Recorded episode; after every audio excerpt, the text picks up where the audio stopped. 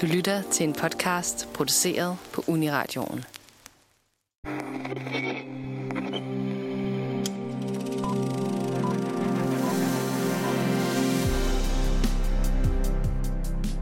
A cappella-nørder, ballroom-dronninger og syngende seriemordere. Ryan Murphy har gjort Outsideren mainstream og slået sit navn fast som en af de største tv-producer i moderne tid. Bag ham ligger hits som Glee, American Horror Story, Pose, Hollywood og mange flere. Og i dag der undersøger vi i filmmagasinet Nosferatu, om Ryan Murphy er Guds gave til streaming-æraen, eller om han bare er en politisk korrekt plattenslager. Velkommen.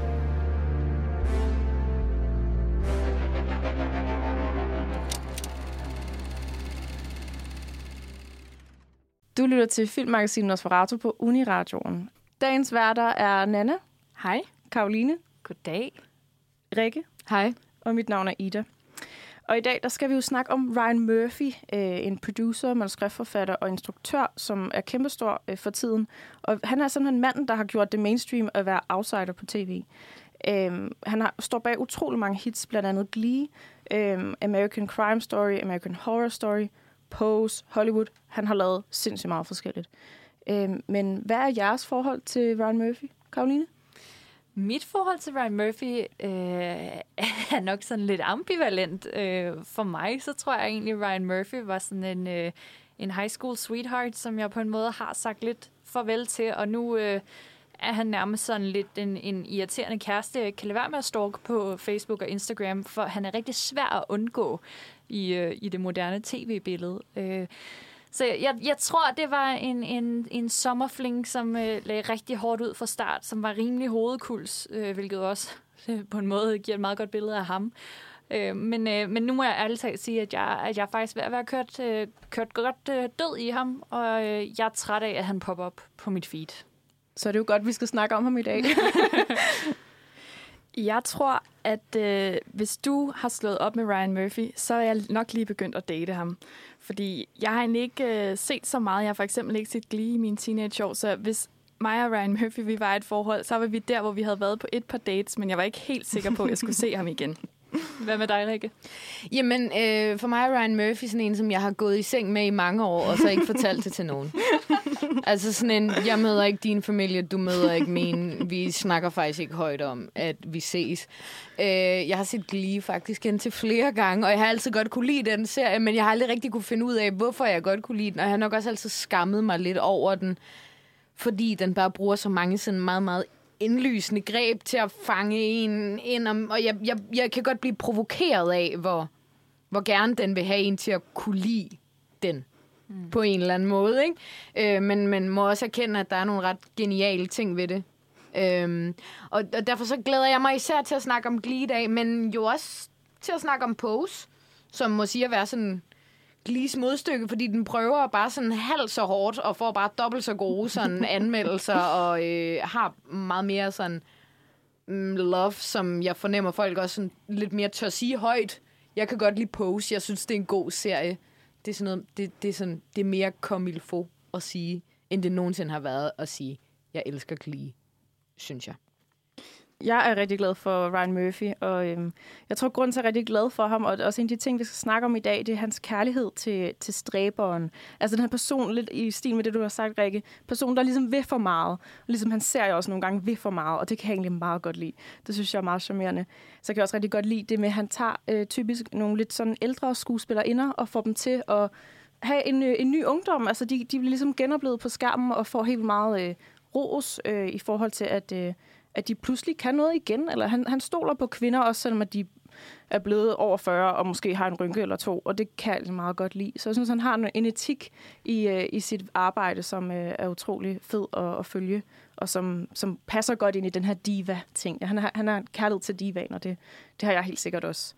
Så vi skal forbi en masse forskellige i dag. Vi skal også snakke lidt omkring musik og musicals, om hans stil. Er den barok eller er den camp? Og hvad øhm, betyder de to ting? Og hvad, egentlig.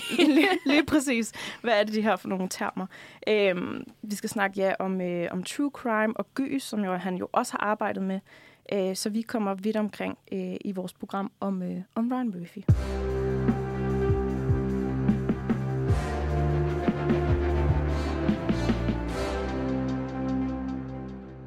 før vi kan ende på toppen af Hollywood, så skal alting jo lige have en øh, spæd begyndelse. Og øh, lille Ryan Murphy, han øh, blev født i 1965 i Indianapolis. Øh, et sted, hvor det ikke lige frem var øh, super nemt at være en, en meget åbent øh, homoseksuel lille dreng. Især ikke øh, på grund af den nu øh, 56-årige Ryan Murphys netop afdøde far, som, øh, som gennem hele Ryan Murphys øh, barndom virkelig tæsket ind i hovedet på ham. Altså kun verbalt dog, men at, øh, at Ryan Murphy han stak ud. Han var anderledes, og hvorfor kunne han dog ikke ligne sin far noget mere? Øh, og det er faktisk noget, Ryan Murphy meget, meget åbenhjertet har fortalt om i, i samtlige interviews i løbet af sin karriere, og noget, som han øh, også den dag i dag siger, at han stadig faktisk lider rigtig meget under. Den her øh, faderfigur, som, øh, som prøvede på at få ham til at passe ind i, i en kasse, som han, som han på ingen måde kunne, kunne blive en del af. Øhm, og derfor er det måske heller ikke så mærkeligt at forestille sig, at så snart at øh, Murphy han kunne, så flyttede han langt væk øh, fra hjembyen. Øh, han brugte faktisk størstedelen af, af sin ungdom og, og meget af sine 20'ere i Los Angeles, hvor han blandt andet skrev for øh, The Los Angeles Times. Han var en, øh, en journalist, som havde en helt sindssyg arbejdsetik. Altså, han smadrede artikler ud. Øh, en god tre stykker om dagen øh, er, der, er der flere af hans chefer, der også har, har sagt. Så det er altså heller ikke så mærkeligt, at, øh, at den her helt vilde arbejdsmoral er noget, han bestemt har taget med sig ind i sin øh, professionelle screenwriter-karriere, fordi han lader jo til at være en mand, der nærmest laver en tv-serie om måneden. Øhm, så ja, efter han øh, ligesom havde fået skærpet sin pen som øh, journalist, så, øh, så begyndte han at skrive fiktion. Øh, og, og serier var hans, umiddelbare, hans umiddelbare øh, udgangspunkt. Fordi det var også der, det var øh, nemmere at få en, en, en fod indenfor. Øh, det der med at være en rigtig stor studio øh, screenwriter på en, på en stor film, var alligevel ikke lige der, man startede. Øhm, så hans første øh, serie, som han solgte rettighederne til, var øh, en serie, der hedder Popular. Og Den røg til øh, Warner Brothers. Men allerede der, der øh, gik det faktisk op for Murphy, at øh, det der med at sælge sine ting ikke altid var en, øh, en rar øh, oplevelse. For så snart, at, øh, at noget, han havde lavet, det var ude af hænderne på ham, så øh, ville øh, producerne de ville ændre på helt fundamentale ting, såsom om hovedkarakteren var homoseksuel eller ej. Øhm, og når Ryan Murphy så vendte tilbage til dem og spurgte, hvad har I gang i? Så ville han få beskeden, at han jo tydeligvis øh, hverken havde forstået publikum, eller hvad historien egentlig ville. Øhm, så øh, derfor så var det jo åbenlyst, at de blev nødt til at lave, øh, lave den slags ting om. Det er sjovt, ja. du, du, du fortæller om Ryan Murphys liv, og allerede nu så kan man jo godt høre, at han er sådan en write what you know kind of guy, mm. fordi at sådan elementer af hans egen tilværelse går jo meget igen i, i de ting, vi har hørt. Han er jo meget optaget af historier om lige netop LGBT-personer, som ham selv, denne her far, som gerne vil have en til at passe ind i normerne, eller mor eventuelt, har vi jo set i flere serier. Øhm, det synes jeg er ret interessant, det der med, at der går så lige en mm. linje fra hans eget liv, og så til, hvad han beskæftiger sig med øh, rent kunstnerisk. Helt sikkert, og han, det er ikke bare noget, han skriver, det er ikke bare noget, han, han viser på skærmen, det er også noget, han faktisk aktivt gør noget for at ændre. Han har det her, der hedder Half Initiative fra 2017, som er sådan et projekt, der ligesom skal sikre rettigheder for minoriteter og kvinder i de produktioner, han laver. Øhm, så det er faktisk noget med, at altså allerede et år efter det blev lanceret, og han ligesom startede det her, så har han beskæftiget sig med 60% kvindelige instruktører, og øhm, 90% af produktionerne, de ligesom havde en tilpas rette af kvinder og minoritetspersoner i produktionen. Så mm. det er jo sådan, det er ikke kun noget, han portrætterer på skærmen, det er faktisk også noget, han aktivt prøver at ændre. Det synes jeg, det må mm. man skulle tage hatten af for. Mm. Ja, også sådan en serie, han har lavet som Pose, har jo også lige netop fået mere ros end rigtig meget andet, hvad der mainstream kommer ud med blandt andet øh, transkønnet i nogle af rollerne. Øh, fordi han jo rent faktisk bruger transkønnede skuespillere til at spille de roller. Ikke? Mm. Øh, det, det, er jo sådan en, øh, det er jo også sådan en walk the walk mm. ting, som jeg umiddelbart synes er ret cool, når han nu jo helt åbenlyst har skabt en kæmpe formue på også at lave ting om øh, LGBT-personer, som også sådan ligesom tapper ind i noget af deres kultur, ikke? og gør det til et produkt. Hmm. Og faktisk den her øh, lidt særlige vinkel, som han jo naturligt har, øh, var faktisk noget, han, han efterhånden godt fattede, at han kunne vende til sin fordel. Øhm, for efter han havde solgt sit første show, så havde han lige et par sådan forholdsvis øh, rolige år, hvor han, hvor han bare lige sådan prøvede på at, at grave sig lidt indenfor. Han lavede blandt andet øh, Julia Roberts filmen Eat, Pray, Love, som jo er rimelig øh, normal, eller sådan, der er ikke, der er ikke noget exceptionelt øh, over den, hvor man, hvor man heller tænker, der er en, en særlig stil, men det var ligesom nogle år, han tog for at komme indenfor i varmen hos de her hvide mænd, som han bare har identificeret alle studio heads som. Øhm, fordi øh, med det, så, så fik han også vist dem, at han faktisk godt kunne lave noget, der kunne nå bredt ud, øhm, fordi han, han var en fighter. Øh, Øh, og og han, han gjorde enormt meget for at positionere sig godt.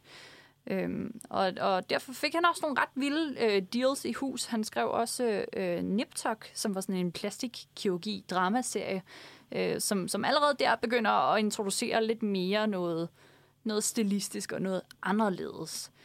Øh, men han holdt sig lidt tilbage indtil 2009, hvor han lavede gigahittet for Fox Glee.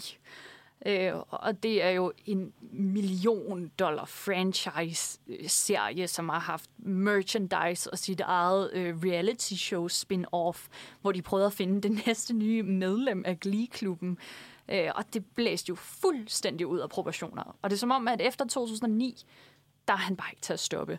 Øh, allerede to år senere, der øh, udkommer American Horror Story-projektet, som jo stadig kører i virkeligheden. Øhm, og, og efter det, så gik det bare amok med HBO-deals og, øh, og flere øh, store serier, blandt andet O.J. Simpson, øh, American Crime Story, som stadig den dag i dag er, er den serie, han har fået bedste øh, anmeldelser for. Og Emmy-nomineringerne væltede jo ind på det her tidspunkt, øh, blandt andet også med The Normal Heart fra 2014, HBO-projektet, øh, som gav ham øh, en Emmy og otte flere nomineringer osv. Så altså, så snart han fik en fod inden for døren, så var øh, hele... Så bakkede han lortet i stykker. det må ja. man jo ikke sige. Ja. øhm. Og nu har han jo den her kæmpe aftale med Netflix. Hvad er det egentlig, den går ud på? Jamen, det er, øh, er sådan en ting, som man også nærmest kan, kan bringe helt tilbage fra nogle øh, lidt ældre Hollywood-tendenser i virkeligheden. Men helt konkret, så handler det om, at øh, Netflix har købt rettigheden til Ryan Murphy, og hvad han end kan finde på de, øh, de næste fem år frem. Øhm, og det har de gjort for 300 millioner dollars. Øhm, en investering værd. ja, det må man nok sige. Øh, og det er altså ikke øh, penge, som går til de produktioner, Murphy skal lave, men alene som en, en løn til ham som øh, instruktør, forfatter, øh, hvad end han kan finde på. Og det betyder, at, øh, at Murphy har fået øh, forholdsvis frie hænder. Han har i hvert fald fået lov til at søsætte øh, 10 projekter, hvor vi ved, at øh, tre af dem er serier, og tre af dem er øh, dokumentarfilm, og tre af dem er øh, normale spillefilm. Øh, og de første er allerede udkommet. Der øh, udkom The Politician øh, for et lille års tid siden, og i maj måned, der udkom, øh, hvad hedder det, Hollywood, som er sådan en stor gylden øh, Hollywood-alder øh, homage. Og øh, lige her for nylig, der udkom Ratchet, som er gøgeredens spin-offet. Men ja, der, der er nemlig noget om, at, øh, at lige netop den her form faktisk er noget, vi på en måde godt kender i forvejen. Selvfølgelig er det exceptionelt nu, når det er streaming, fordi det bryder noget, noget ny grund. Men der er også store instruktører, som faktisk har lignende deals. Men Murphy er den, der har sikret sig det største beløb til dato. Jamen, det, det, det, lyder jo, det lyder jo nyt, når man hører om det nu. Men det var jo sådan set meget almindeligt i sådan den, den klassiske studietid i Hollywood fra øh, 20'erne til, til 60'erne, at, at man var tilknyttet et studie som skuespiller, som instruktør og så videre. Og så var det ligesom altid dem, man lavede film for. Så havde de penge, og så havde de ligesom købt en, ens arbejdskraft ens brand. Øh, Fred Astaire var for eksempel hos MGM i 40'erne, og så havde de jo så ligesom Fred Astaire, så sikrede de ham kontinuerligt arbejde mod, at han altid lavet film for dem. Og han var jo sådan en fast indtægtskilde, fordi alle ville gerne se film med Fred Astaire. Og det er jo det samme, som, som Netflix jo har luret, ikke? Altså, det meste af det, som Ryan Murphy spytter ud, er der et øh, helt fast publikum til, jamen fint nok, så køber vi da manden. Mm. Man kan sige, det der så, så nok er, det er, at hvis han næste år får en jeg vil ikke sige en hjerneblødning, men, men i hvert fald får, får, nogle, nogle nye inputs og beslutter sig til at begynde at lave obskur kunstfilm, så ryger han jo nok ud igen. Ikke? Altså, de har jo købt det, han laver. Mm. Og det er jo ikke altid lige godt heller, øh, for selvom øh, mange af hans shows jo er en, er en darling for, for nogen, så er det altså også begyndt at halte særligt med de her Netflix-produktioner.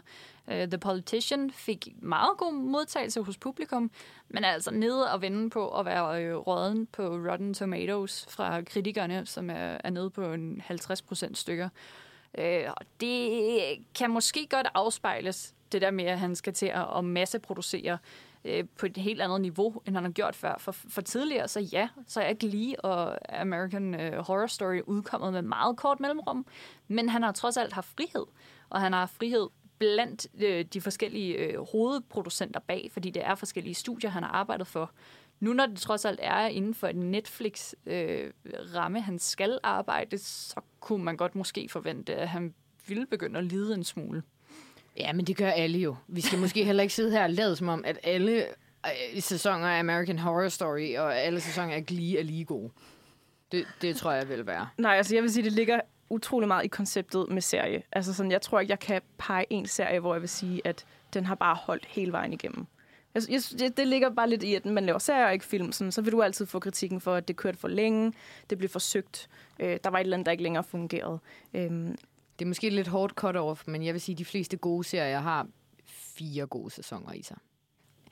Det holder med Dexter, det holder med Mad Men, det holder med How I Met Your Mother, det holder med rigtig mange store serier. Typisk så kan den klare sådan fire sæsoner. Så er der klart, der er nogen, der kan klare fem. Klart, der er også nogen, der kun kan klare tre eller to. Men sådan fire, synes jeg sådan i gennemsnit, at det er der, det begynder at gå ned ad bakke. Det er jo så lidt ærgerligt fordi øh, jeg havde også tænkt mig at lægge op til et glad op- oplæg nu, som var, at nu skulle vi til at snakke om Glee, men jeg kan allerede godt afsløre, at den er altså på seks sæsoner. Ja.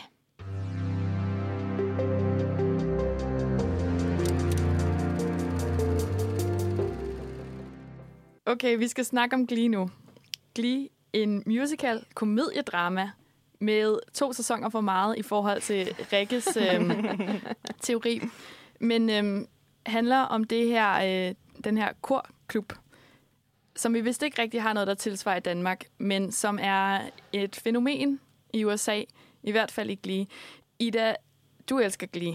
Ja, det kan jeg nok godt sige. Ja. Det, men kan du ikke starte med at forklare, hvad en Glee Club er? Ja, vil du, ja. Jo, en Glee Club, altså det er jo, det er jo kor. Altså det er, det er de studerende, øh, eleverne på high school, der mødes øh, og, og mødes i i koret og også performer til større arrangementer, til, til, øhm, til de her konkurrencer, der bliver afholdt, sectionals og regionals hedder de. Eller, øh, hedder de.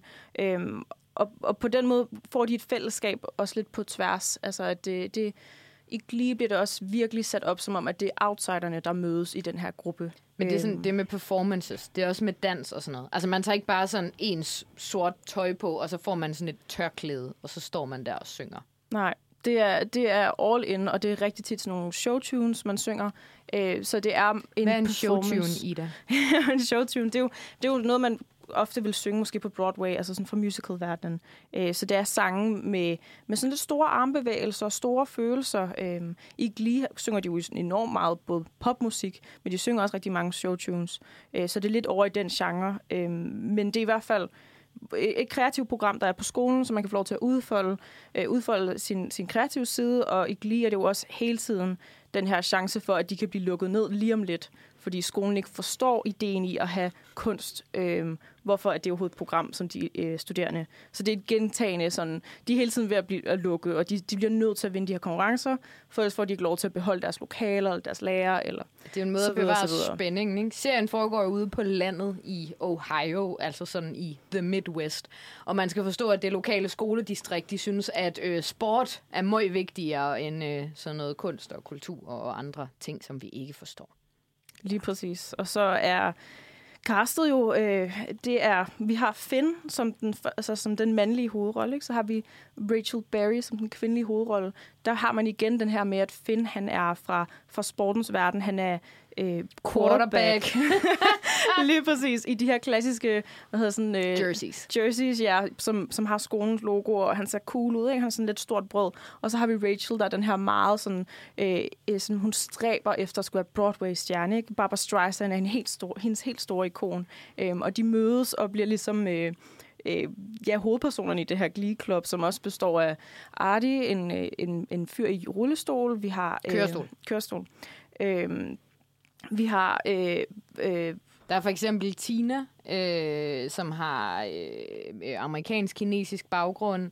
Der er øh, Santana, som øh, er også meget, meget øh, hård cheerleader med sådan hispanic baggrund. Øh, der er ligesom søgt at lave sådan et ret øh, diverst cast, og i sådan bedste Ryan Murphy-stil, så prøver man ligesom at ramme sådan etniske minoriteter rundt omkring i USA, i sådan øh, og pakke dem ind i forskellige individer i denne her øh, Glee Club.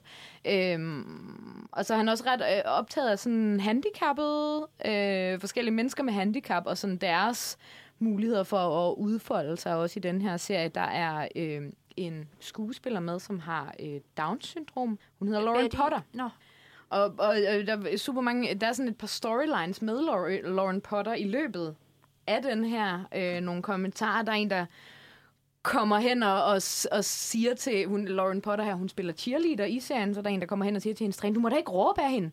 Så siger træneren, hvorfor i alverden må jeg da ikke råbe af hende? Jamen, fordi at hun er handicappet.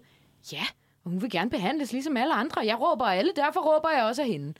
Øhm, og det er sådan en helt klassisk Ryan Murphy pointe. Ikke? Mm-hmm. Øhm, ja. Men altså i kontrast til alle de her minoritetskarakterer, er det så ikke lidt mærkeligt, at at hovedpersonerne er arketypiske amerikanske karakterer, altså quarterback, der gerne vil synge, og pæn pige, der er vildt god til at synge. Det har vi jo set før, for eksempel High School Musical, tænker jeg bare. Jo. Jo. Og det, det er sådan en af de kritikpunkter, man kan fremføre over for Glee. Et andet kritikpunkt, man kan fremføre, det er, at øh, musikken lyder forholdsvis kunstig. Øh, er faktisk tit altså er sådan baggrundskoret decideret rædderlig at høre på, selvom filmen handler om kor. Man kunne argumentere for, at, at serien er forholdsvis irriterende med den her sådan blanding af popmusik og en øh, hovedkarakter, Rachel Berry, som man, som man ikke kan holde ud, fordi hun også er et decideret rædsomt menneske. Øhm, der, der er faktisk mange ting, man kunne fremføre om Glee. Det, som er interessant, det er, at et hvert sådan kritikpunkt, man måtte have i serien, den får den faktisk selv fremført på et eller andet tidspunkt. Mm. Yes. Yeah. Der kommer for eksempel på et tidspunkt en, en ny træner af den her Glee Club, som siger, hvorfor er det altid de to hvide, som står forrest og synger? Der står en hel masse brune mennesker bagved, som synger meget bedre. Jeg tager lige dem ud og laver vores egen Glee Club, sådan så de rent faktisk kan få lov til at, øh, at synge noget mere. På den måde, så, så, så synes jeg, det er en ret interessant serie, fordi den sådan selv inkorporerer de... Øh, kritikpunkter, man måtte have af den. Men det menes selvfølgelig ikke, at, at det ikke stadig er underligt, at, at det altid er de hvide, der er i centrum. Øhm, men, men bare men som, at, at der, den er sådan en enormt selvrefererende og enormt ironisk, og jeg tror, det er det, som, som, som de fleste rent faktisk har set den godt kan lide ved den. Øhm, Karoline? Ja, altså, jeg kan godt se, hvad du siger, Rikke, med, at det ligesom også bliver sådan lidt øh, øh, afvæbnet i sig selv, men jeg tror også, man skal tænke på, at, at Ryan Murphy er ikke et navn endnu på den her måde. Niptok er gået godt, men i 2009, altså, han er ikke det husholdningsnavn, som jeg vil våge at påstå. Han er, han er værd at blive der, i hvert fald i amerikanske sammenhænge. Og Glee er et primetime Fox show. Øhm, Fox, som man måske kender som sådan et Fox News, der er virkelig øh, republikansk og sådan noget, det, det er ikke sådan, deres øh, programplanlægning generelt afspejles. Nej, Ellie øh, McBeal kørte, kørte også på Fox. Ja, øh, men, men stadigvæk, når du har sagt primetime USA, øh, så, så bliver du også nødt til at tage højde for det. Så jeg ser personligt som øh, Rachel Berry, øh, altså Lea Michelle, og, øh, og Finn, øh, spillet af Corey Monteith. Monteith øh, som sådan en form for trojanske heste. Altså sådan, de, de er ligesom din, din indgangsvinkel til det, og, og det er dem, der skal stå for os, sådan, så vi alle sammen kan komme med og forhåbentlig lære noget om øh, Down-syndrom, øh, eller om, om, øh, om homoseksualitet, eller om, om helt ekstremt øh, pres og, og angst, øh, som kan udvikles øh, i de der teenageår. Så Det synes jeg er rigtig klogt sagt. det synes jeg også er super klogt sagt. Jeg kom bare til at tænke på, øh, og jeg fik lyst til at spørge dig, Ida, sådan, altså, øh, de har alle de her karakterer, minoritetskarakterer, som helt sikkert løfter en stor øh, byrde med at vise USA og vise verden nogle flere nuancer. Men hvordan, øh, hvordan får serien ligesom gjort det, så de stadig er interessante bare som karakterer, og så de ikke bare er, hvad kan man sige, så de ikke bare repræsenterer øh, noget, der er større end dem selv, men de også bare er gode historier og mennesker af kød og blod. Ja, altså jeg synes jo egentlig, at serien, det er ikke fordi, at karaktererne har virkelig, virkelig meget sådan dybde. Altså det er ret sådan letbenet i virkeligheden, og stemningen lige er meget letbenet og, og sådan øh, meget dramatisk også. Og de, men jeg, jeg ved faktisk ikke, hvad Det jeg er, vil nogle, sige. det er nogle meget dense afsnit. Der sker ekstremt meget, og der er ekstremt mange handlingstråde, også fordi der er for mange karakterer mm. i Glee. Du forholder dig sådan nok på, øh, hvis du laver et nedslagspunkt i serien, så er der sådan typisk på det tidspunkt sådan omkring en 10-15 karakterer, som du sådan skal interessere dig for. Måske nogle gange helt op til 20. Og så har du faktisk typisk en lille handlingstråd med mange af dem. Og så er der, man kan sige, så er der nogle af dem, der sådan generelt bliver sådan ret shufflet, ikke? Eller sådan, som, som vi ikke hører særlig meget til. Men, men for, øh, det, det, det er fordi, at det er en enorm kompakt serie, og der sker enormt mange ting. Og et handlingsreferat kan sagtens tage øh, rigtig, rigtig lang tid på det enkelte afsnit. Øh, på et tidspunkt, så laver den sådan en last time on Glee, og så var det sådan, Øhm, ja, så kom øh, ham her gamle fjende ind, og så ville han gerne lukke Glee Club. Men så blev han virkelig begejstret for Glee Club, men så ville han gerne lukke Glee Club igen, men så lykkedes det ham ikke. Eller sådan, og det er sådan et recap af et afsnit, som, hvor man sådan er sådan, hvorfor, hvorfor så vi overhovedet det så? Men det sgu ret underholdende, mens det er i gang. Og recappet er meget ikonisk, fordi det bliver netop sagt med den her meget sådan opspolede stemme. Glee-cappet. Last time, ja, last time Glee. Så kører den bare. So here's what you missed on Glee. Quinn's got a new look and a new crowd of skanks. Kurt got blamed to join the New Directions, which is good because Santana got kicked out and Sugar Mata wasn't good enough to get in. Who cares what you think? McKinley's doing West Side Story, and Kurt and Rachel need the leads so they can get into Nyada. Sue's using her run for Congress to come after the arts. Believe it or not, still not a big fan of the Glee Club. Så jeg synes egentlig, det den kan med sin karakter, er, at vi kan acceptere det der med, okay, der er cheerleaderen, hun er stereotypisk cheerleader. Vi bryder også lidt ind i det her med, at sådan, hun bliver, øh, det øh, er Quinn, jeg tænker på, hun bliver gravid, og så bliver hun pludselig sådan lidt goth, og sådan, altså, den, den leger netop, den bliver hele tiden i overfladen og leger med stereotyper, men på sådan en sjov, meget underholdende måde, hvor den også lidt selv peger på, okay, vi er rimelig syntetiske, vi er, serien er rimelig øh, sådan overdrevet, men, men det er det, der gør, at det er sjovt, og så er det bare, altså, popmusikken, altså den, den sådan popkulturelle, øh, det den trækker på, og det den kan give, altså den, den er bare enormt farverig, og elsker at, at pege ud til at bruge rigtig mange af de her cover-sange, ikke? Altså, og den har haft, jeg elsker noget, jeg elsker ved Glee, af de her afsnit, som er et tema, hvor hele afsnittet er dedikeret til Beatles-musik.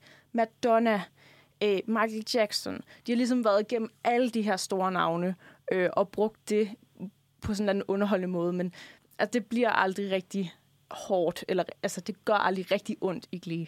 Den leger med de her sådan... Det stør, altså, den største trussel i Glee er i virkeligheden, når man får sådan slushy i hovedet.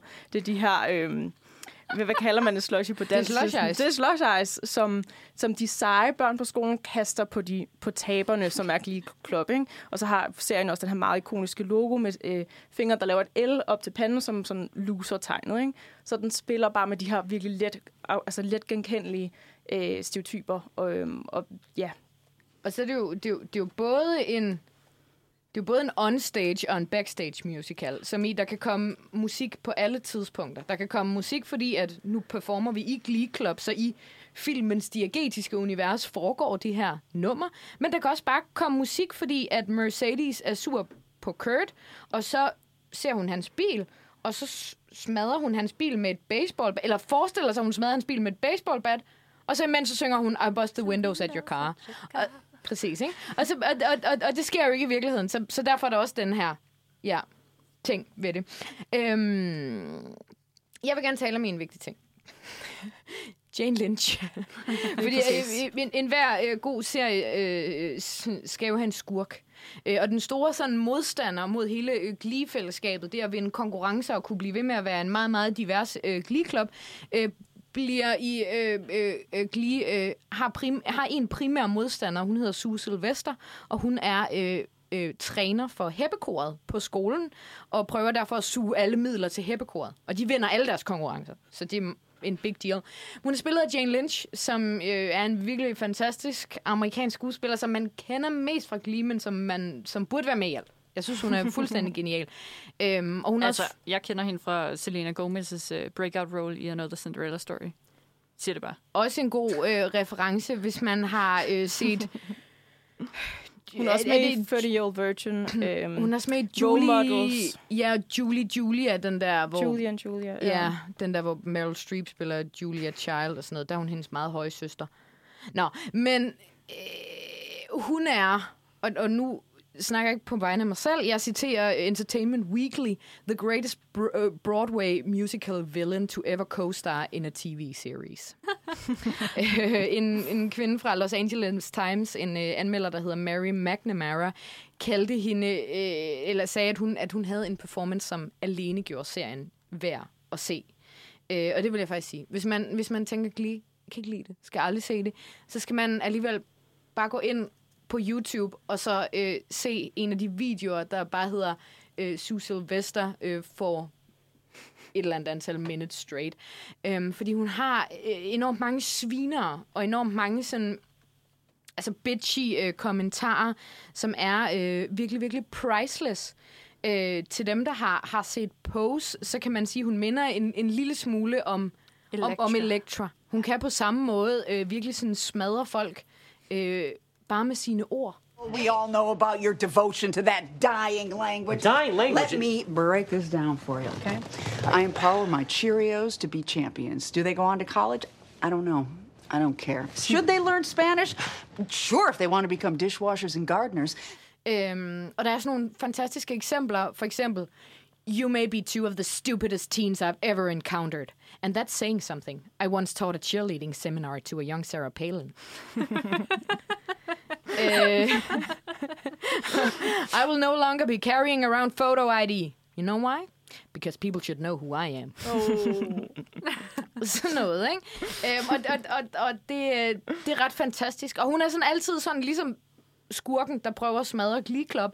Men fordi hun er total OP, og jo i virkeligheden kan smadre Glee så beslutter hun sig en gang imellem til, at hun ikke gider alligevel. Og så fik vi lige en sæson mere, eller sådan. Det er, sådan, det er i virkeligheden det er meget fjollet, men det er også, det er også meget fantastisk. Det er både det med, at hun gifter sig med sig selv, og hun også får et barn. Ja, med Da- David Boreanaz, det hun ved med at sige. altså ham, der spiller den pæne FBI-agent i uh, Bones. Øh, og så, sådan, sådan, når hun træner cheerleader, så siger hun ting som, You think that's hard? Try being waterboarded. That's hard. øh, og, og det, Sue er, jeg tror, halvdelen af grunden til, at jeg siger, mm. Glee. Og det er sådan, ja, det er en af de ting, Ryan Murphy kan. Han kan sådan skabe nogle, nogle karakterer også, som, som gør det hele værd, vil jeg sige. Mm. Jeg, vil, jeg, jeg, jeg tror, hvis selv, selv hvis man, hvis man øh, foragter alt, hvad der sker i Pose, så skal man se den, bare for at se det afsnit, hvor at Elektra, hun lukker røven på sådan øh, tre hvide jobbidamer på en mm. restaurant i anden sæson. Ja. Altså bare sådan ved at svine dem til. Eller, og, og, og, og det er det er fantastisk. Mm. Det er fantastisk. Så for en god sviner, hvis man ikke er til musical og koreograferet dans, så en god sviner, det er de fleste lidt fan af et eller andet sted.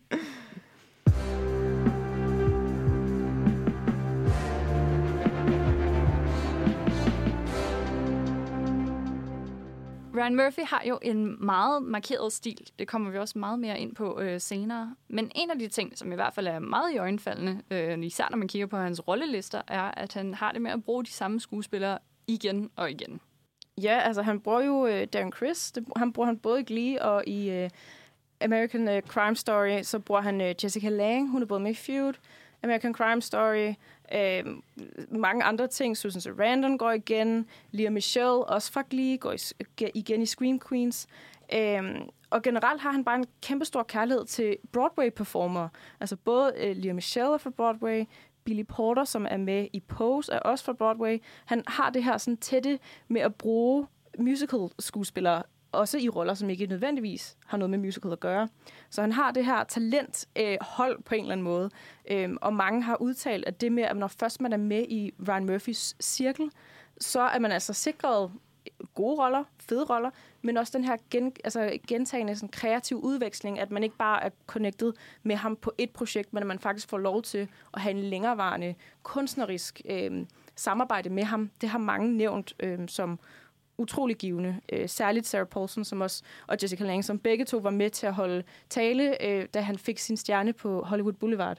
Øh, så han har ligesom de her øh, stjerner tæt på sig, øh, og genbruger dem utrolig gerne. Men, øh, men er det egentlig ikke også sådan ret almindeligt? Altså, Lars von Trier er jo for eksempel også ret glad for at bruge Charlotte Gainsbourg eller Jens Albinus. Øhm, altså, er det, tror, tænker I ikke også, at det, vil I ikke også gøre det, hvis I var en stor instruktør? Finde de bedste, og så bruge dem i nogle flere film, hvis man rent faktisk synes, de var de bedste. Altså, jeg synes, det giver rigtig god mening. Specielt fordi, at man har det her gentagende sådan, samarbejde, og man hele tiden kan tage det, tage det lidt videre, fordi man ikke bare er sammen på et projekt, og så var det ligesom det, ikke? Det spændende ved, ved Ryan Murphys øh, sådan gruppe der, det er måske, at de, at de sådan det, det er jo nærmest sådan lidt ligesom sådan David Lynch's sådan foretrukne typer, sådan nogle, lidt, sådan nogle som andre måske vil sige var sådan lidt afdanket mm. på en eller anden måde, øh, som han så ligesom er glad for at, at tage op og finde frem igen, især nogle af de der sådan store damer fra Hollywood. Igen kunne man jo snakke om, om han i virkeligheden sådan beskytter en minoritet. Det har jo heddet sig i mange år, at når man sådan fylder en 6-37 som kvinde i Hollywood, så er det svært at få roller efterhånden. Men ikke hos Ryan Murphy. Ryan Murphy kan altid godt lide outsideren, dem der ikke kan få roller andre steder, ikke? Altså, han er ligesom på en eller anden måde sådan veteranskuespillernes altså, mand. Altså, dem, han slår gerne slag for dem og bruger dem og får, dem, får deres karriere til at blomstre på ny. Og det er jo bare utroligt smukt, synes jeg, at han ligesom tager fat i dem og, og får mere ud af, fordi, ud af dem. For det er jo bare trist at, at have den her forventning om især kvinder, at så må man bare kasseres, når man er fyldt de 30 og nu over det måske også lidt, men, men stadig. Hmm. Jeg tror også, der er mange af dem, som øh, som, som giver enormt meget af sig selv til Murphy. Øh, altså især øh, Lea Michele, altså sådan, jeg, jeg tror sgu ikke, at Rachel ikke lige var blevet, som hun var blevet, hvis ikke lige præcis. Det var hende, der var dukket op til den audition. Og, øh, og også Ben Platt, som spiller hovedpersonen i The Politician. Jeg føler, at, at Murphy baserer enormt meget af sin hovedkarakter på den heldige skuespillere, der, der nu engang får den. Samme gælder... Øh, ja, Lia Michelle er jo også et redsomt menneske i virkeligheden, har vi Præcis. Præcis. Øh, så jeg, jeg tror, han holder sig øh, inden for sådan nogle... Øh, også netop fordi han har så mange bolde i luften, så bliver han måske også ligesom nødt til at kunne regne med de skuespillere, han nu engang bruger. Fordi en, en produktion som Glee har nogle helt sindssyge deadlines. Øh, altså det, skuespillerne har, har fortalt skrækhistorier om, hvordan de har haft tre uger til at producere næste episode, og inden da, så skal de lige gå ind i studiet, og de skal levere de der fem sange, som helst skal kunne nå op på Billboard også. Så derfor så skal Murphy vide, hvem han har med at gøre. Han skal vide, hvad han kan, kan bede dem om. Øhm, og måske også i sådan nogle lidt mere udleverende roller, der, der er det måske også godt at, at have styr på privatlivet i, i mange af de karakterer, han, øh, han eller mange af de skuespillere, han bruger til de lidt mere udfordrende karakterer. Apropos det her med også at have travlt og komme hurtigt videre. Altså Ryan Murphy er jo en utrolig produktiv mand. Og som du også allerede har nævnt, Karoline, øh, har en sindssyg øh, arbejdsmorale. Øh, og han er både blevet, altså, jeg, jeg er jo meget vild med ham, og synes, han laver sindssygt mange fede ting, men han er også blevet meget kritiseret for, at han går for hurtigt videre til nye projekter. Øh, jeg vil kalde det lidt sådan en glimmereffekt, at han kommer ind på et projekt, øh, optager et afsnit, kaster glimmer ud i lokalet, og så er han ligesom ude igen, og så kan projektet køre sin egen vej. Selvfølgelig er ikke alt perfekt. Igen, vi har også snakket om serier, ikke altid øh, holder... Øh, Fire sæsonsreglen. Øh, ja, lige præcis, og de ikke altid holder hele vejen igennem. Men jeg synes alligevel, at han formår det der med at sætte helt vildt mange skibe i vandet, og sindssygt mange af dem når bare over på den anden side med fede, altså fede, fede serier og fede projekter. Øhm, så han har lidt den her med, at han kan sætte en masse i gang, øh, sætter øh, ringene i vandet. Har han nogle producer-samarbejder, eller laver han hele lortet selv? Altså, han er jo selv producer, øh, instruktør og skriver, og så har han haft et meget langt samarbejde med øh, ham, der hedder Ian Brennan, og så Brad Falchuk. Øh, og særligt Brett Falchuk, at de laver næsten alt sammen. De er sådan et broderpar på en eller anden måde inden for, øh, for, for, for, for deres projekter her. Og Brett Falchuk, det er jo egentlig meget sjovt, han har været med øh, ja, lige siden fra, fra Glee, og han er jo egentlig gift med Gwyneth Paltrow, øh, som han mødte under øh, Glee. Så, så der er ligesom også nogle... Og hun er også blevet brugt igen. Hun er blandt andet også med i The Politician. Så han vil kunne moren. bekræfte, om det der lys, det rent faktisk lugter som hendes væg. ja, det tør jeg ikke øh, spå om. Øhm. Men i hvert fald, han har nogle, nogle faste, øhm, og er på mange måder, som vi også har snakket om, at han selv kommer lidt fra den her outsider-position, og pludselig gået ind og kan styre hele lortet, og være mainstream, og være ham, som folk ringer til, være det her household name, hvor hvis man ved, at et projekt har Ryan Murphys navn stemplet på det, så bliver det til noget, og så bliver det øh, ofte, langt de fleste af gangene, øh, meget, meget rost og meget, meget set. Hmm. Der er jo så også en lille hage, ikke? og nu må I godt kalde mig overtroisk. Øh, men der er jo åbenbart i nogle Twitter-kredse noget omkring... Ja, nu trækker du vejret dybt. Nu er det jo snart Halloween. ja. der, der er i nogle øh, dybe Reddit-tråde øh, teorier omkring det med at være for tæt på Ryan Murphy, nemlig også kan være lidt af en øh, forbandelse i sig selv. Der er en ting i popkulturen, der hedder The Glee Curse.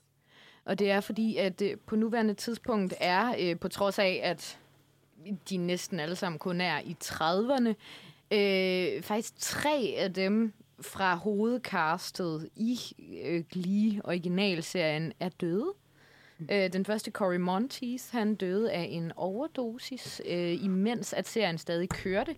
Og imens han var forlovet til... Øh... Til Liam Michelle, den ja. anden øh, hovedkarakter. Og det øh, førte jo faktisk også til et enormt bizart afsnit, hvor de siger... For, altså, de har simpelthen lavet et, et, et hyldest afsnit til hans karakter i Glee, men som jo faktisk også lidt er et hyldest afsnit til ham. Det, jeg, jeg synes, det var en bizarre, bizarre mm. øh, tv-begivenhed, og første gang, jeg kørte igennem serien, så sprang jeg det faktisk over. Jeg har først set det senere øh, dybt underligt. det der med sådan rent faktisk at se nogen dø ud af en serie. Mm. Og, ja. Utroligt sørgeligt. Altså, Helt vildt. Ja. Øhm, efterfølgende så er Mark Salling, ham der spiller Puck i serien, øh, blev taget med børneporno på sin computer øh, og begik selvmord øh, efter at det skete. Og senest så er øh, Naya Rivera, øh, May she rest in peace, som spiller Santana, øh, druknet på en sø, mm. flod. En Ikke sø. Ja. Imens, øh, hendes... imens hun reddede sin femårige søn. Åh. Oh. Ja. ja. Det er meget voldsomt.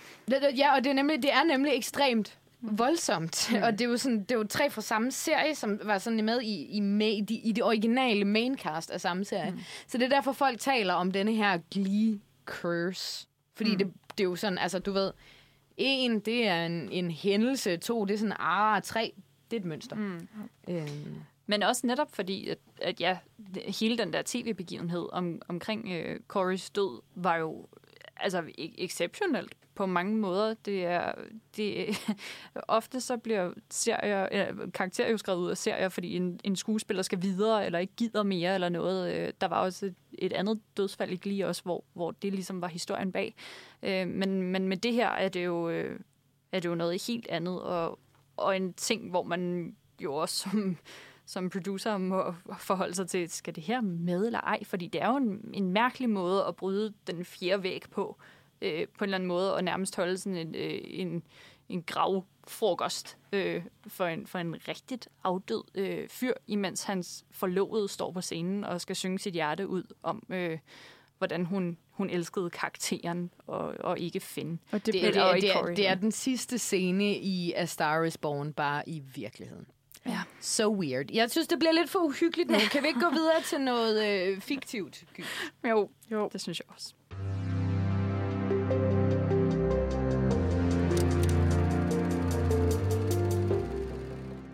Okay, nu går vi lige videre fra øh, tragiske dødsfald i den virkelige verden til noget øh, lidt mere fiktivt gys. Det kan vi ligesom lidt bedre håndtere, fordi... Og så alligevel... Ej, jeg ved det ikke, men Ryan Murphy laver jo ikke kun øh, det gys, der hedder Får vi lov til at lave Glee Club næste år. Han laver også nogle andre slags gys, og det skal vi snakke om nu.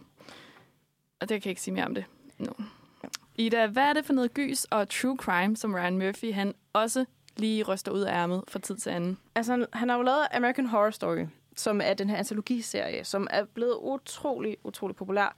Øh, der har han også mange af de samme skuespillere, men plottet bliver ligesom skiftet ud hver sæson, øh, så en skuespiller kan spille flere karakterer igennem hele forløbet. American Horror Story spiller i hvert fald enormt meget på, omkring det her med, med gys. Der er sindssygt mange mor.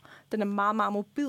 Øhm. Det er en gyserserie, og hver sæson kører ligesom i sådan et klassisk gysermiljø. Ikke? Altså, så er der en på et sindssygt hospital, og så er der egentlig sådan cirkus, freakshow-agtig, og så er der egentlig en kult og sådan noget. Så den, den tager jo sådan alle de her sådan klassiske miljøer, og så laver, spinner en sæson på hver af dem. Men det er jo ikke sådan American horror story, som, som, som vi virkelig elsker, vel? Det er jo en anden American story. Er det ikke det, Ida? Jo, fordi udover at lave American Horror Story, så har han lavet American Crime Story, yes. som også er øh, måske lidt mere kendt, i hvert fald det første, første sæson, der handler om uh, øh, O.J. Simpson og retssalen der, er noget af det... Altså, du sagde det der med, at det var... Ja, jeg skulle ikke. Nå, okay. Jeg ved ikke engang, hvad det, det, det, det, vi, vi ved ikke helt, hvordan vi skal tale om den første sæson af American Crime Story, fordi at Karoline har ikke set dokumentaren om O.J. Simpson færdig, Nej. og hun mener, at det er en spoiler, hvis man fortæller, hvordan den Men det er, fordi jeg ikke vil vide, hvad der sker. Så, så, så det skal vi nok lade være med at afsløre. Det som, det, som vi kan sige, det er, at den her sådan popkulturelt reference-ting, som Ryan Murphy godt kan lide at køre, er med i en fuldstændig glorious scene i American Crime Story. Uh, Ross fra Friends spiller Robert Kardashian. Og Robert Kardashian var en af øh, O.J. Simpsons advokater i denne her meget, meget kendte retssag, som vi lader som om, vi ikke ved, hvordan endte. Tak. Um, der er en, en, en scene, øh, hvor at øh, OJ ligesom præsenterer sig selv og sit defense team forud for retssagen. Og så er der en, der siger, Kardashian, can you spell that? Altså en af journalisterne. Og så står han ligesom og staver til Kardashian i fjernsynet altså Ross fra Friends, der spiller Robert Kardashian. Og så klipper vi øh, over til, at man kan se hans tre døtre, Courtney, Kim og Chloe, som på det her tidspunkt er sådan under 10-agtig. Øh, Courtney er måske 10, ikke? Og så sidder de sådan foran fjernsynet sådan, yeah, Kardashian, Kardashian, Kardashian. det er sådan. Who are you? Robert, Robert Kardashian. Kazani? K A R D A S H I A N. Kardashian! Kardashian! Kardashian! Please be respectful. This is a very close friend of Mr. O.J. Simpsons, Robert Kardashian. Det er sådan, det er sådan, det er sådan absurd, absurd tv-moment, og det er jo øh, helt vildt sjovt, fordi at serien udkom i, i hvert fald i en tid, hvor at The Kardashians var blevet en ting. Og det er sådan en rigtig Ryan Murphy-agtig måde at lave et true crime show på, synes jeg. Fordi han kan ikke lade være med at være begejstret for de her popkulturelle personligheder.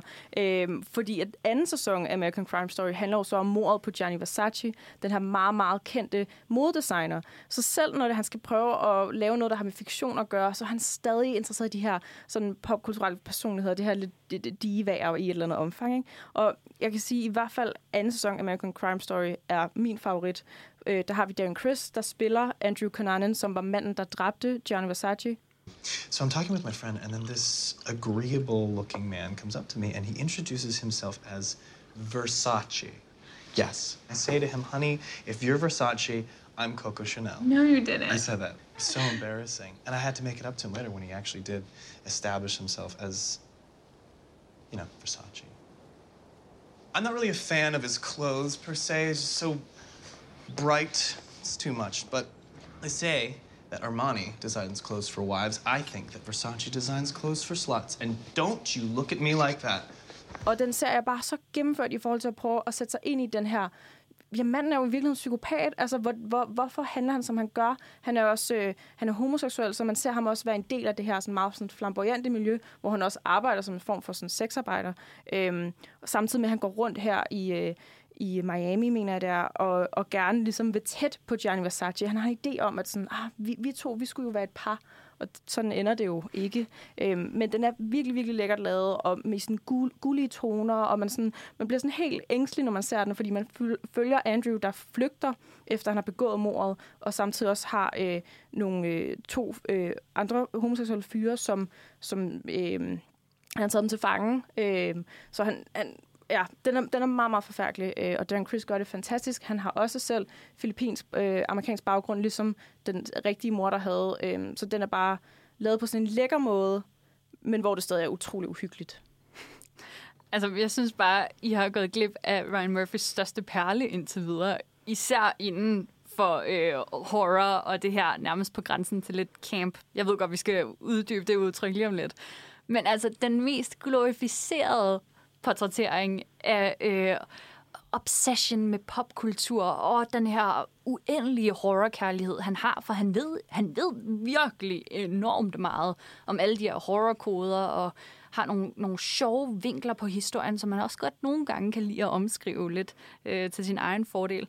Det vil jeg sige, altså kommer allerbedst til udtryk i øh, 2015 øh, sådan satireprogrammet Scream Queens, øh, som blandt andet har Jamie Lee Curtis, altså Halloween-dronningen, øh, i en af de øh, bærende roller. Hun har nærmest sådan lidt sådan en Sue Sylvester, Jane Lynch-position, hvor hun bare går og sådan skyder alle de der teenager lidt ned. Okay, jeg skal øh, se det program. Ja, øh, det kan jeg godt høre. Og, øh, og der er øh, der er helt vildt store pop-ikoner med. Øh, Ariana Grande har en, en meget bærende rolle. Hun kan jo faktisk godt spille skuespil. Hun, hun er jo kendt fra, fra Disney Channel. Det kan hun, Rikke.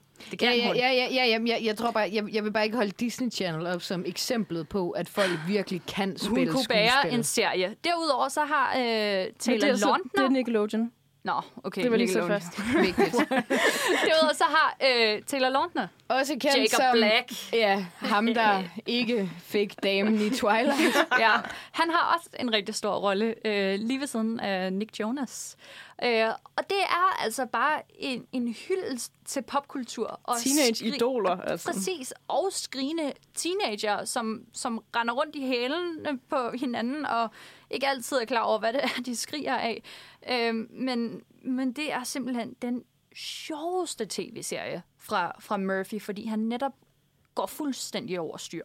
Der er øh, øh kun fuldstændig syrede jokes, som, som altid er funderet i noget utroligt plat, øh, tilbage, fordi alt logik er skrællet fuldstændig væk. Øh, hans morder, for han har sådan en gennemgående morder i, øh, i de to sæsoner, øh, overholder ingen fysiske love, øh, men øh, finder nogle gange ud af, at øh, når han går igennem en væg, så er hans øh, mordvåben lige pludselig blevet forvandlet til sådan en skumkniv, og den virker ikke alligevel, og så må han stå og se lidt undskyldende ud og sige, hey, jeg kommer tilbage i morgen, når jeg lige har fundet øh, min rigtige kniv, som jeg vist glemte ind ved siden af. Agtig, ikke? Det, er, det, det er fuldstændig whack og totalt skørt, og helt klart der, hvor jeg synes, Murphy gør det bedst. Fordi der viser han bare den her helt groteske satirekerne i, i sine shows, som jeg synes er det, der bærer øh, dem langt hen ad vejen.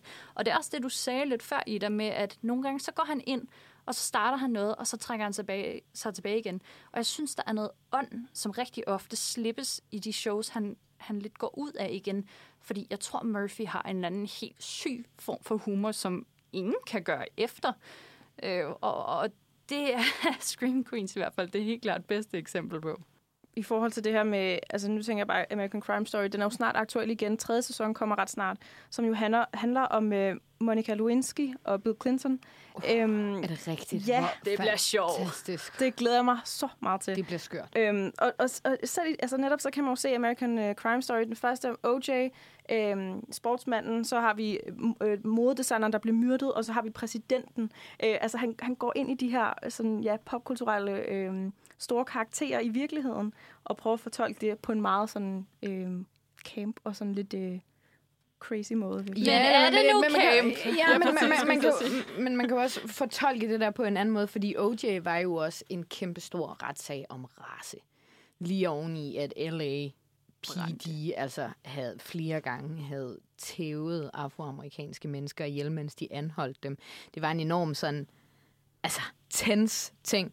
På samme måde mordet på, på Gianni Visacci, og det her med, at de begge to var homoseksuelle, og hvad betød det, og sådan noget.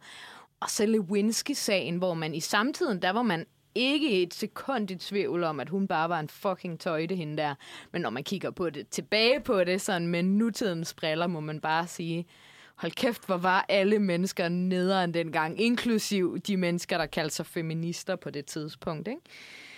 Øh, så på den måde, han, han går jo igen ind sådan også at forsvare øh, kvinder og minoriteter og få fat i de crime stories, som virkelig tapper ned og sådan roder fingeren rundt i de vipseborer der. Ikke?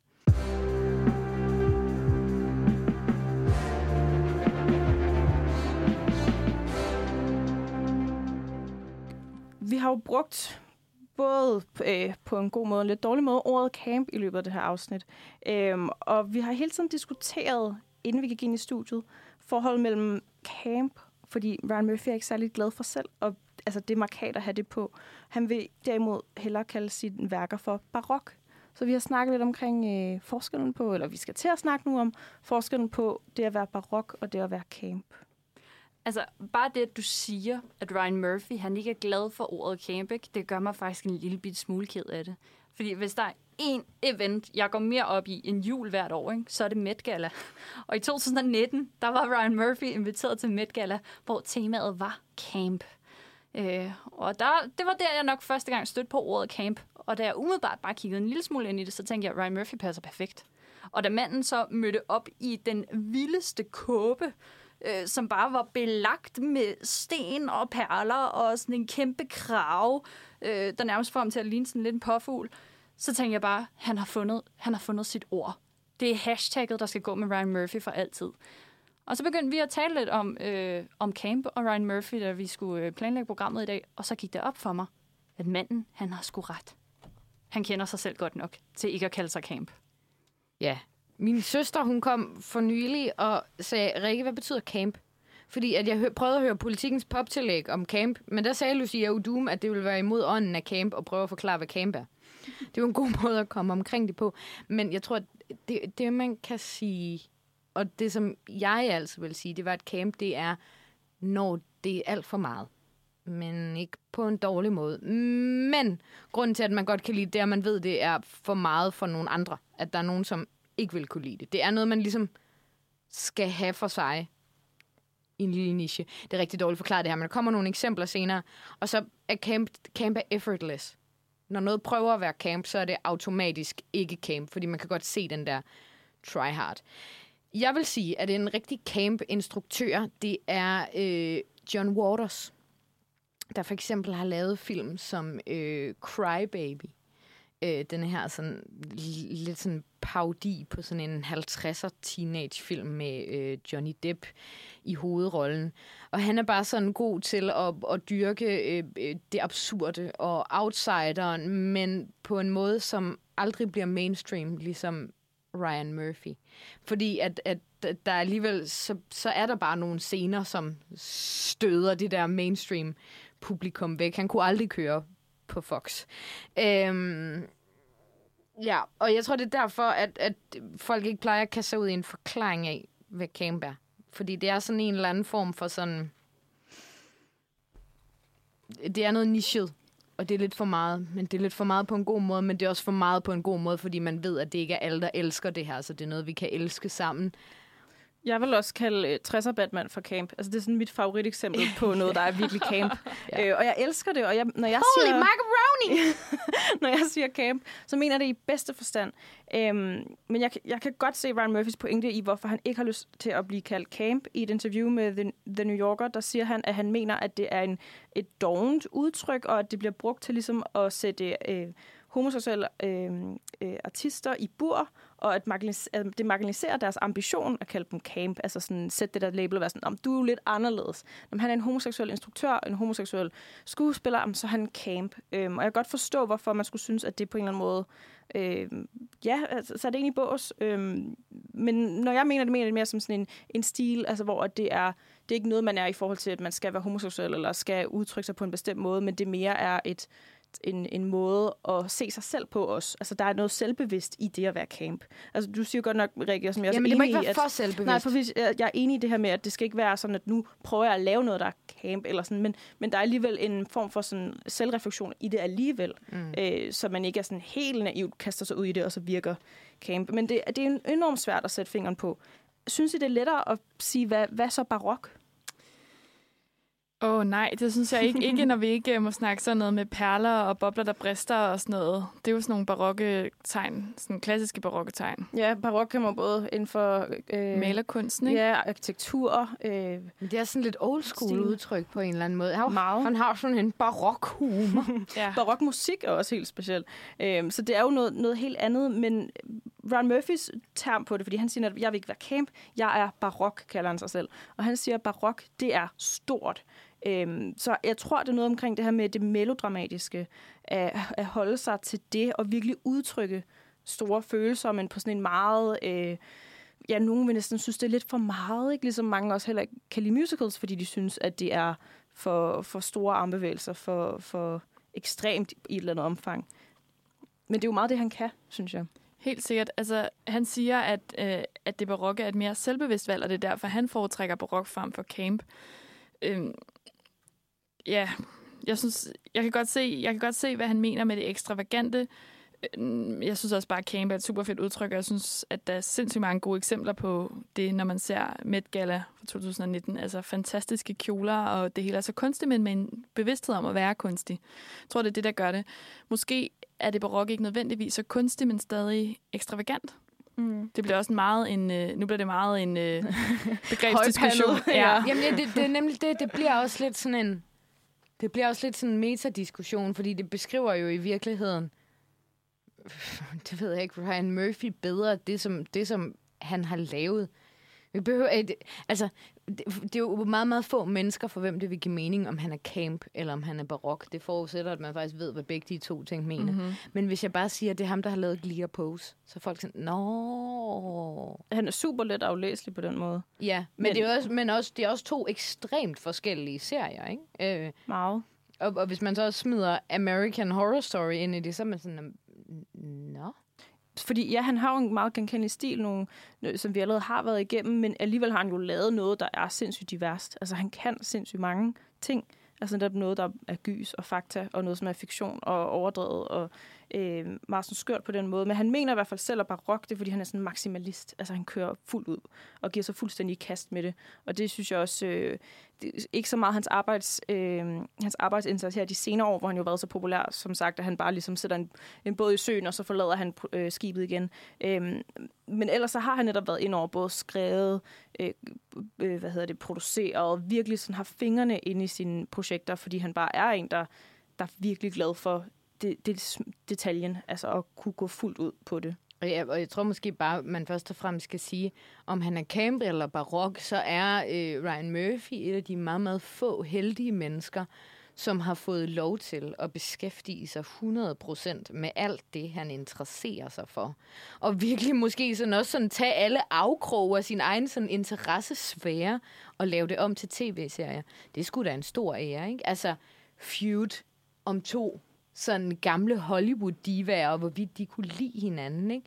Øh, man kan sige, det trækker jo tråd til nogle af de andre ting, han interesserer sig for. Så interesserer han sig åbenbart for ballroom-kultur i 80'erne, for morsager, for gyserkonventioner. Øh, sådan, altså... Han er, sgu, øh, han er sgu en heldig mand. Det synes jeg bare, man skal konstatere. Og så er vi andre jo så også heldige, at, at der faktisk også kommer noget godt ud af det. At der kommer noget, noget interessant popkultur ud af det. Og så det, det der med, som vi også har lidt pointeret, at han bruger sig selv enormt meget. Ikke? Han har selv den her historie fra at komme og få at vide, at du skal passe ind, du skal mærke ret, og han så ligesom har nægtet at skulle føje sig ind over sin fars øh, antagelse om, at han ikke må være homoseksuel, at han ikke må fylde noget. Og så er han jo kommet netop som outsideren og blevet fuldstændig øh, hovedperson og, og centrum i tv-branchen. Det er jo ret vildt at have gjort det. Og som, det giver mening, at mange af hans karakterer også har samme drift efter, øh, at de, de stræber alle sammen. Ikke? De vil fandme noget. De vil frem i livet, og de kæmper for det. Øh, og det ser man i hans karakterer. Så det er, jo, det er jo meget tydeligt, hvordan han er inspireret også af sit eget liv, eller i hvert fald af den her øh, rolle som, som outsideren, der pludselig slår igennem og bliver mainstream. Ja, det er sjovt, han er så en til en, ikke? Write what you know. det, det har han virkelig. Det, det har han sgu gjort, og det var åbenbart en motherfucking guldgruppe. Var det 300 millioner dollars? Yes. Mm. Som han fik fra, fra Netflix for, øh, for hans nuværende aftale. Det er altså helt absurd. Ja, det er også en slags penge. det var alt, hvad vi nåede i den her udgave af filmmagasinet Nosferatu på Uniradioen. Rikke, Ida og Karoline, det har virkelig været en fornøjelse. Der var mange ting, jeg ikke vidste, så tusind tak for det. Man kan huske, at man kan gå ind på nosferadio.dk, hvis man vil læse nogle af vores spændende anmeldelser, eller finde nogle af vores tidligere podcast-episoder. Øh, derudover så kan man også altid gå ind på Instagram for at være med i en fed konkurrence og vinde nogle lækre billetter. Og ellers så må I bare alle sammen have et rigtig dejligt efterår og en god ferie.